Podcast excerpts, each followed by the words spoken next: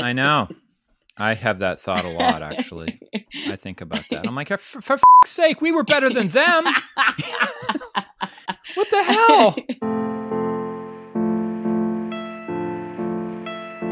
In so many sports, particularly track and field, men have a well established performance advantage over women.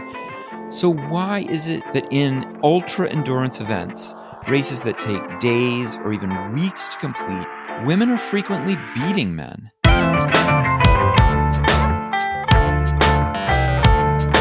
It's time to eat the dogs. I'm Michael Robinson. Today, Dr. Beth Taylor talks about the physiological differences of men and women athletes and why ultra endurance events seem to offer certain performance advantages to women. Taylor is an associate professor of kinesiology at the University of Connecticut and the director of exercise physiology research in cardiology at Hartford Hospital. Beth Taylor, thanks so much for talking with me. Oh, it's a pleasure to be here. If you look at a lot of elite sports, the records of elite sport events like the 100 meter dash, uh, Usain Bolt, I think, currently holds the world record. It's uh, 9.58 seconds.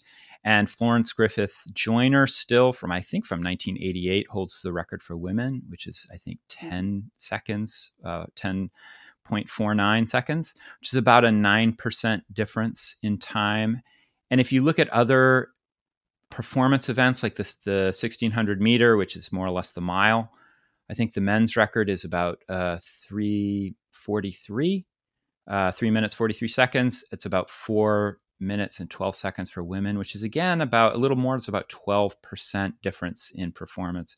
And then marathon records as well is about the difference between elite male runners and elite female runners is about 9%. So there's this difference Men seem to outperform in elite events by about that amount. What are the physiological reasons for that?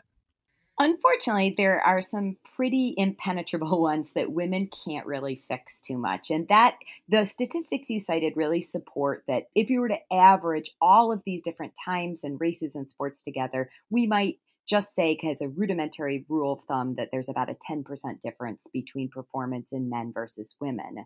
And yeah. truly, what it comes down to is if you took a man and a woman who were the exact same body size and you put him on the starting line, a man would beat a woman. And that, so that's true even if you account for for size and weight that they exactly. there is a performance difference. Exactly. And that comes down to some real physiological mechanisms. In fact, the size difference is a really interesting one because a smaller woman has to move less mass than a larger man. So in mm. distance races, being small can be an advantage. But regardless, if you take if you match people for body size and really elite runners, men and women are actually fairly well matched for body size, you will see that about 10% gap. And that's due to some things that women just really can't affect. The first is sex hormones, testosterone. It's a very powerful steroid. There's a reason why people use it to try and boost performance in a variety of ways, and men simply have more than women. Yeah, what is what does testosterone do? I mean, uh, physiologically, uh, what is it? It's a steroid hormone, so it's responsible for almost all anabolic processes. So what it does in effect is it allows your muscles to grow bigger. It allows the fibers to develop better. It allows fuel utilization to occur in different patterns. When you think about the reason that hormones exist, they exist for things like growth or sleep, and mm. testosterone mm. is a growth hormone. So men okay. have this potential, this tremendous advantage that women just simply do not have. It's one of the big reasons that men also, despite overall body size being the same, have far less fat than women do. Mm. So if you're talking about especially sprinting performance, a body that has more muscle than fat is going to be an advantage for being able to utilize those muscle fibers. And then finally, probably one of the biggest things, and again, getting back to men traditionally or typically tend to have more fast twitch or type 1, type 2 muscle fibers, those fibers that really help you get off the starting line, move into a faster speed. And then finally, probably in my mind, one of the least equitable divisions is that men per volume have bigger heart sizes. Oh, interesting. right? Ironic that we think of women as the ones that champion love and men, those stone cold people, have a smaller heart, have a bigger heart size. But really, what that gets down to is that per body volume, they have a greater heart size. Greater heart size equals greater cardiac output, the amount of blood your heart can pump every heartbeat, greater stroke volume, greater muscle deli- blood flow delivery then to the working muscles. Would that mean that having a larger heart size, would that mean just that you can get more oxygen to the muscles, or does it mean that you are more efficient? Your metabolism is more efficient in getting oxygen there. Uh, so is it both or just one of those? Oh, you're going to ask a tough question. So a large heart can happen in a variety of ways. It can be thick or it can be long in essence, right? So you can either have a thick, strong chamber or you can have a thin, big chamber that holds and pumps blood more. And mm. traditionally, a really thick heart is a bad thing. But in a trained athlete, you are going to see both. You're going to see a big heart that can hold more blood. You're going to see a strong, efficient heart that can pump blood fairly easily, right? It's got a lot of strength to pump that blood out. And if a man starts with a bigger heart volume at baseline, no matter what the it's called concentric remodeling or strength benefit aspect of that heart they're just going to be able to pump more blood at every heartbeat interesting and so there's just a greater delivery of blood to the working muscle so how long have ultra endurance performance events been going? I mean, uh, the Ironman, I, I remember that being at least 15 years old. This seems to be a bigger thing now. Do you, do you know when that started? I would say over the last 20 years or so. And it's kind mm. of interesting because if you look at marathon performances, Boston is always the example I go to because the data is really interesting.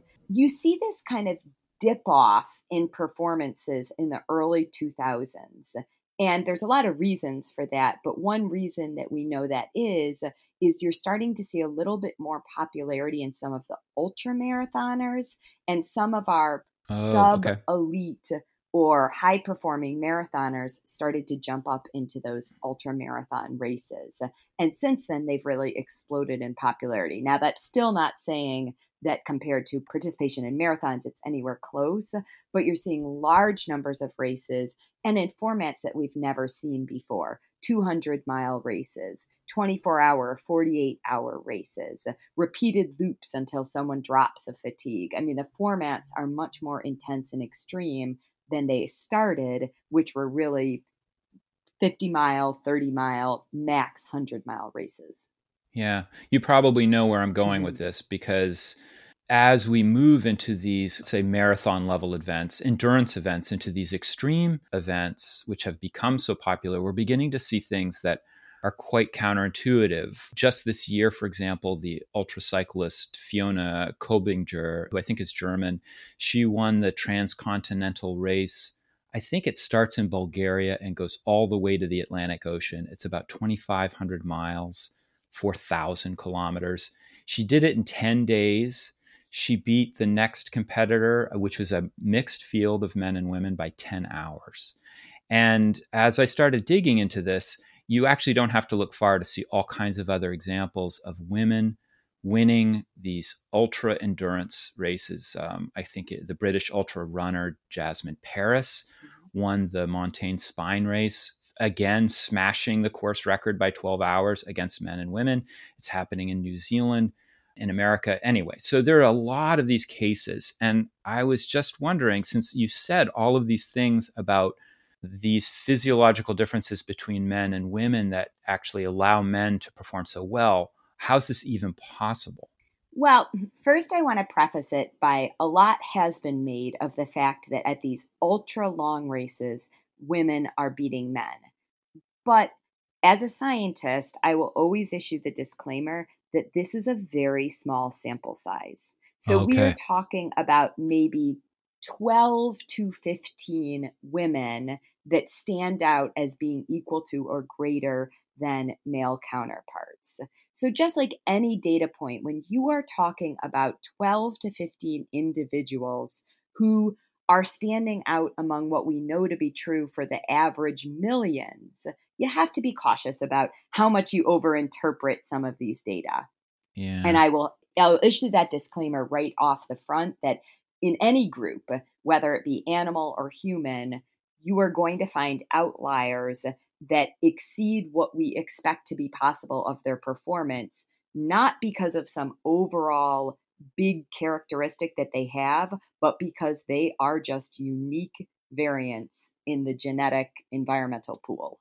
So these could just be great outliers, just as there was a Mozart and a Beethoven and a you know, Lance Armstrong comes to mind, although that's a bad example. But just as there were these outliers on the male side of things in a variety of disciplines, it could be possible that we are seeing just some female outliers.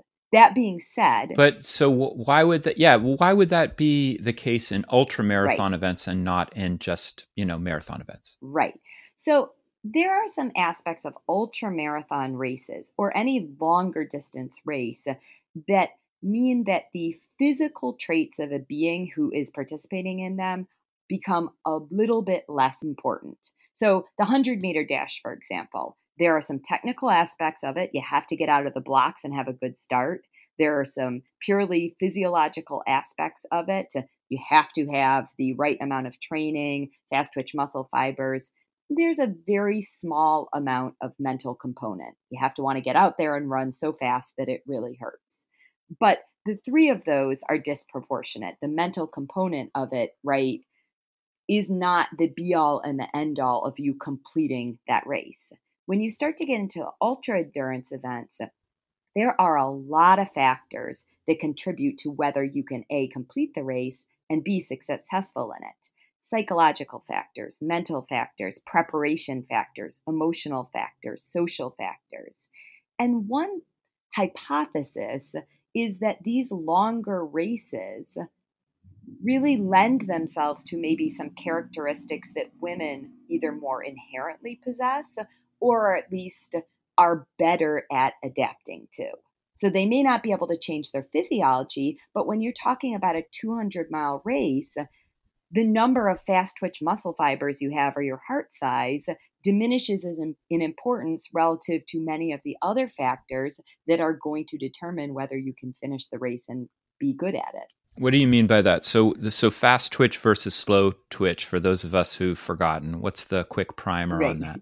So, fast twitch muscle fibers are your muscle fibers that really participate in anaerobic muscle contraction. So they mm. don't need oxygen to contract, meaning they are the ones that you use for the majority of medium to high effort activities around your day versus the slow twitch muscle fibers are the ones that you use for low to kind of low moderate aerobic exercise or just daily activities such as standing sitting etc mm-hmm. things to keep your posture upright and we know that certainly women have more slow twitch on average than men do. This could be one reason why, over a very long endurance race, they are a little bit more benefited because if they've got more slow twitch muscle fibers and they've also got greater fat stores, they're able to use what we call oxidative metabolism to break down fat and use it for fuel, which can really only be done if you have oxygen present and those slow twitch muscle fibers. Is that a more so, efficient use of um, energy for slow twitch? Does it burn more absolutely. energy to you? Okay. Absolutely. So the problem with glycogen breakdown and use for anaerobic metabolism is A, you run out of glycogen stores pretty quickly. We don't store much glycogen in our bodies. And B, it's not very fuel efficient. You make relatively few ATP our energy source that we need for muscle contraction by breaking down a molecule of glycogen. By contrast, by breaking down fat, you get, you know, somewhere around 20 to 30 times more energy than you get by breaking down a molecule of glycogen. So that oxidative or oxygen present metabolism is far more efficient if you can access it for low to moderate intensity exercise. It's just not available for high intensity exercise because you can't get oxygen to the muscle fast enough to actually be able to use it to get those fast muscles contracting. So the advantages, the, the type of physiological traits that would be advantageous for men on short or medium endurance events might actually work against them in longer endurance events. Exactly. Now, again, to be a little cautious, it's not as though in, say, one of these endurance races like the Western States 100 miler, that there are no fast twitch muscles being used or fast twitch muscle mm-hmm. fibers. Mm-hmm. There's a lot of up and downhill running, accelerations, deaccelerations, right? There is a lot of fast twitch muscle that is necessary to be able to accelerate and sprint past someone or jump over a rock or navigate a very difficult section. But having more slow twitch muscle fiber is not a disadvantage in these races because it does allow someone to perhaps utilize their muscle in a more fuel efficient manner for a longer period of time. So, physiologically, it does certainly make sense that a woman who A can store more fat, and we know this, men are lower percent body fat than women are, even at the most elite athlete level, and B can utilize that fat a little bit better to fuel their muscles when they have more of them to be fueled with that oxygen could be at an advantage. When you were talking before about the 100 meter events, you said you kind of divided it up into possible performance criteria. And one of them you said was, you know, fast twitch muscles. But then you said there are other factors such as psychological factors do you feel that psychological factors play a larger role in these extreme endurance events?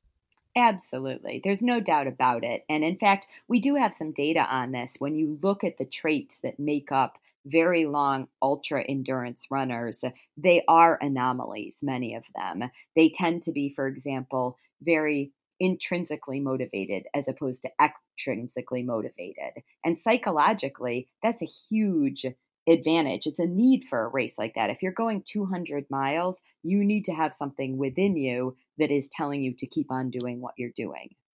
There's also a lot of psychological factors. And, you know, here's where the distinction between psychological and physiological may become blurred that allow you to, for example, rationalize and accept the level of pain and sleep deprivation and hunger and discomfort that you may be in right? So in a 100 meter dash, if you're doing it for 10 seconds, yes, it's incredibly painful, but you are not starving and sleep deprived and depressed right. and vacillating emotionally and isolated and alone and hallucinating. You are doing all of those things and more in a 200 mile race. And so, how you psychologically adapt to some of those tremendous physiological discomforts uh, makes a huge difference then in the outcome of the race. And is the thought that women have a psychological advantage potentially in these situations?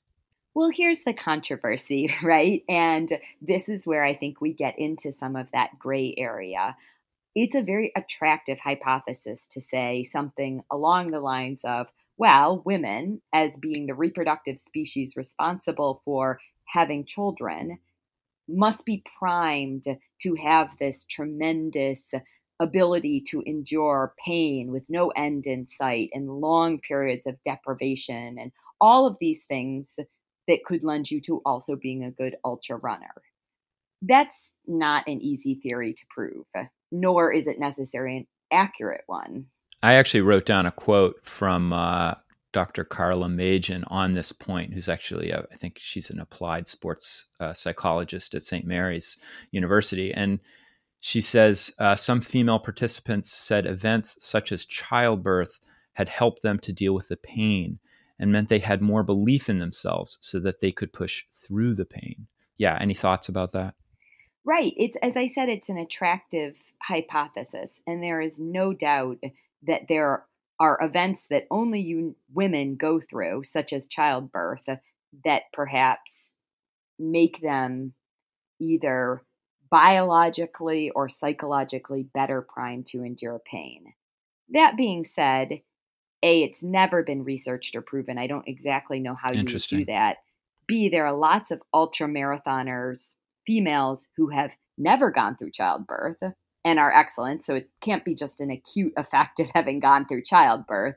And C, there are many men who have shown that they have extraordinary pain tolerance. So huh. that's not discounting that there may not be a contribution, but it seems a bit of a fallacy, an attractive hypothesis to simply say that women are better ultra runners because evolutionarily they've spent hundreds of thousands of years preparing themselves for one of the most arduous endurance events that are out there childbirth.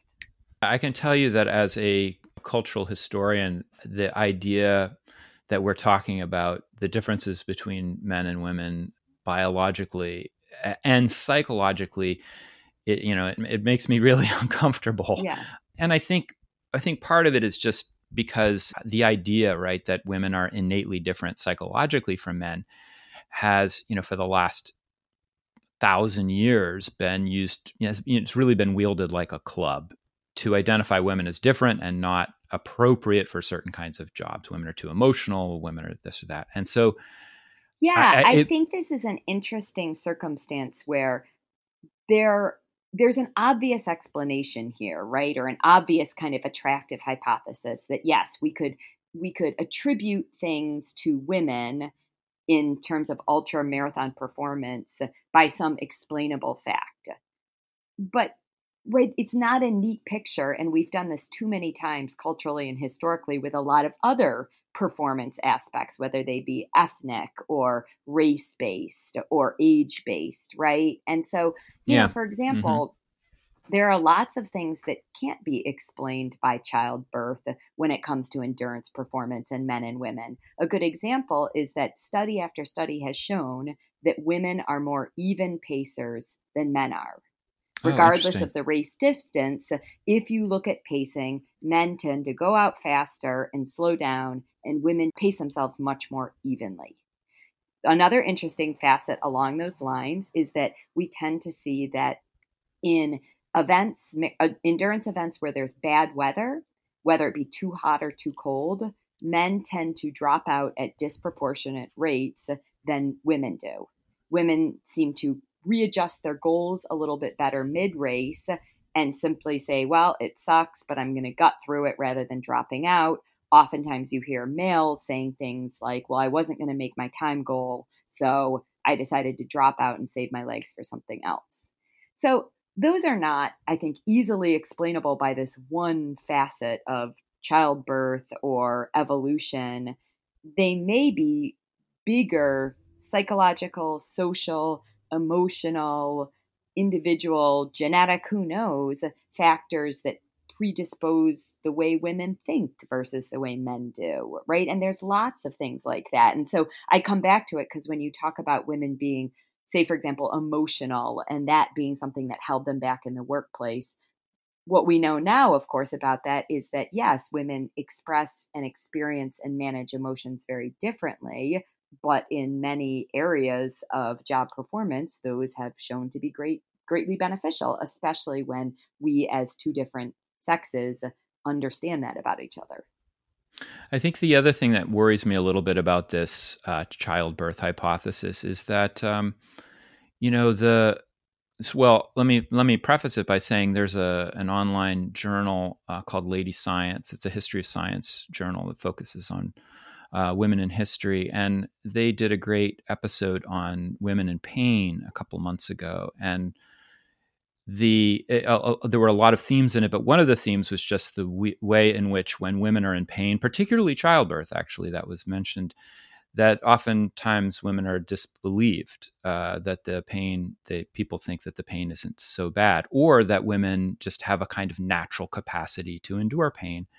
And so it sounds kind of like dangerously close to that.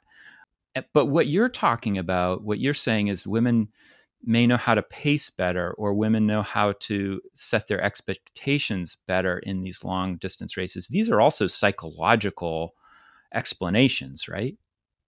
Uh, they could be psychological, but some of the postulates for those have been things like, well, maybe they are social because maybe after years of being the somewhat more inferior sex in terms of marriages and opportunities and uh, life experiences, women just culturally as a whole have gotten more used to resetting goals and expectations and managing them in a more wide spectrum instead of this black and white success or no success. That's a really hmm. social and cultural explanation for that. And that could hold some water, right? I don't think that, I, yeah. I think the the questions that come to my mind as you bring that up is that would those still obtain at the most elite levels? As you said, there are, you know, there are men who seem to have an incredible capacity at the elite level for enduring pain. Wouldn't there be also outliers, for example, who might be able to reset expectations at that at that level as exactly. as well? So I think that's why this gets such. you really hit on it well. That's why this gets to be such a tricky discussion because, as I said before, we are talking about multiple factors, all these potential hypotheses, and you could attribute them to these huge overarching social or psychological or evolutionary explanations, but we're still talking about a handful of men and a handful of women that really excel at these long distance races. Mm. So it is novel and exciting that women are able to win an ultra endurance race outright. There is no doubt about it that that is unheard of in a marathon or a half marathon. Right. Mm-hmm. But perhaps the causes are not quite so far reaching and broad as we expect them to be. And that is the caution with making these kind of judgments or hypotheses based on such a small sample size. You mentioned earlier that there are other areas of performance where you see interesting disparities, and and uh, in certain ethnic groups, for example. And this gets really interesting to me because you know I just finished this uh, book project a couple years ago on really it's on a kind of uh, history of anthropological ideas, and it's so clear that if you talk to population biologists and many other groups, they'll say like race is actually completely useless as a biological category. There's just you know these these categories don't really exist. Sure, there are differences between individuals and there are differences between population groups, but race doesn't really. It's not just not useful. Um, and yet, we are faced with the fact that, let's say, if you look at long distance runners, so many of the elite marathon runners disproportionately are Kenyan. Or if you look at sprinters, and you probably know this data much better than I do, but my impression is, is that many of them have uh, origins in West African communities. And so I was wondering how you kind of square the circle on this. How do we talk about these, what seem to be performance differences in specific ethnic groups without getting into that box of race? Yeah. I think sometimes we see the physiology and then we want to attribute it to bigger environmental, psychological, cultural factors when we simply do not have the information to make that link. And huh. that's what I think happens with race and gender a lot. So you bring up Kenyan long distance runners, and it is, or without a doubt, that we know that they have big differences in their leg muscles and their tendons that allow them to better store and utilize kinetic energy. They have long, springy leg tendons that are just much more efficient at contracting and relaxing and allow them with these light, long calf muscles that they have to run quite fast for very long distances. So there are true physiological explanations for that. That being said, we have then equated those factors to a history that is race dependent. We have said things hmm. like, oh, well, these runners, these Kenyan tribes grew up running and they grew up running barefoot and they grew up running at altitude. And all of these things created a superior race that then allowed them to be great at performance. But the truth is, when you start to boil down those hypotheses, they don't hold true. Interesting. And so I think what we're seeing is real differences within this ethnic group or a racial group, but they don't need to have underpinnings and they shouldn't have underpinnings in some of our stereotypes and hypotheses about the things that cause them. And that's uh, maybe uh, so where we go really wrong.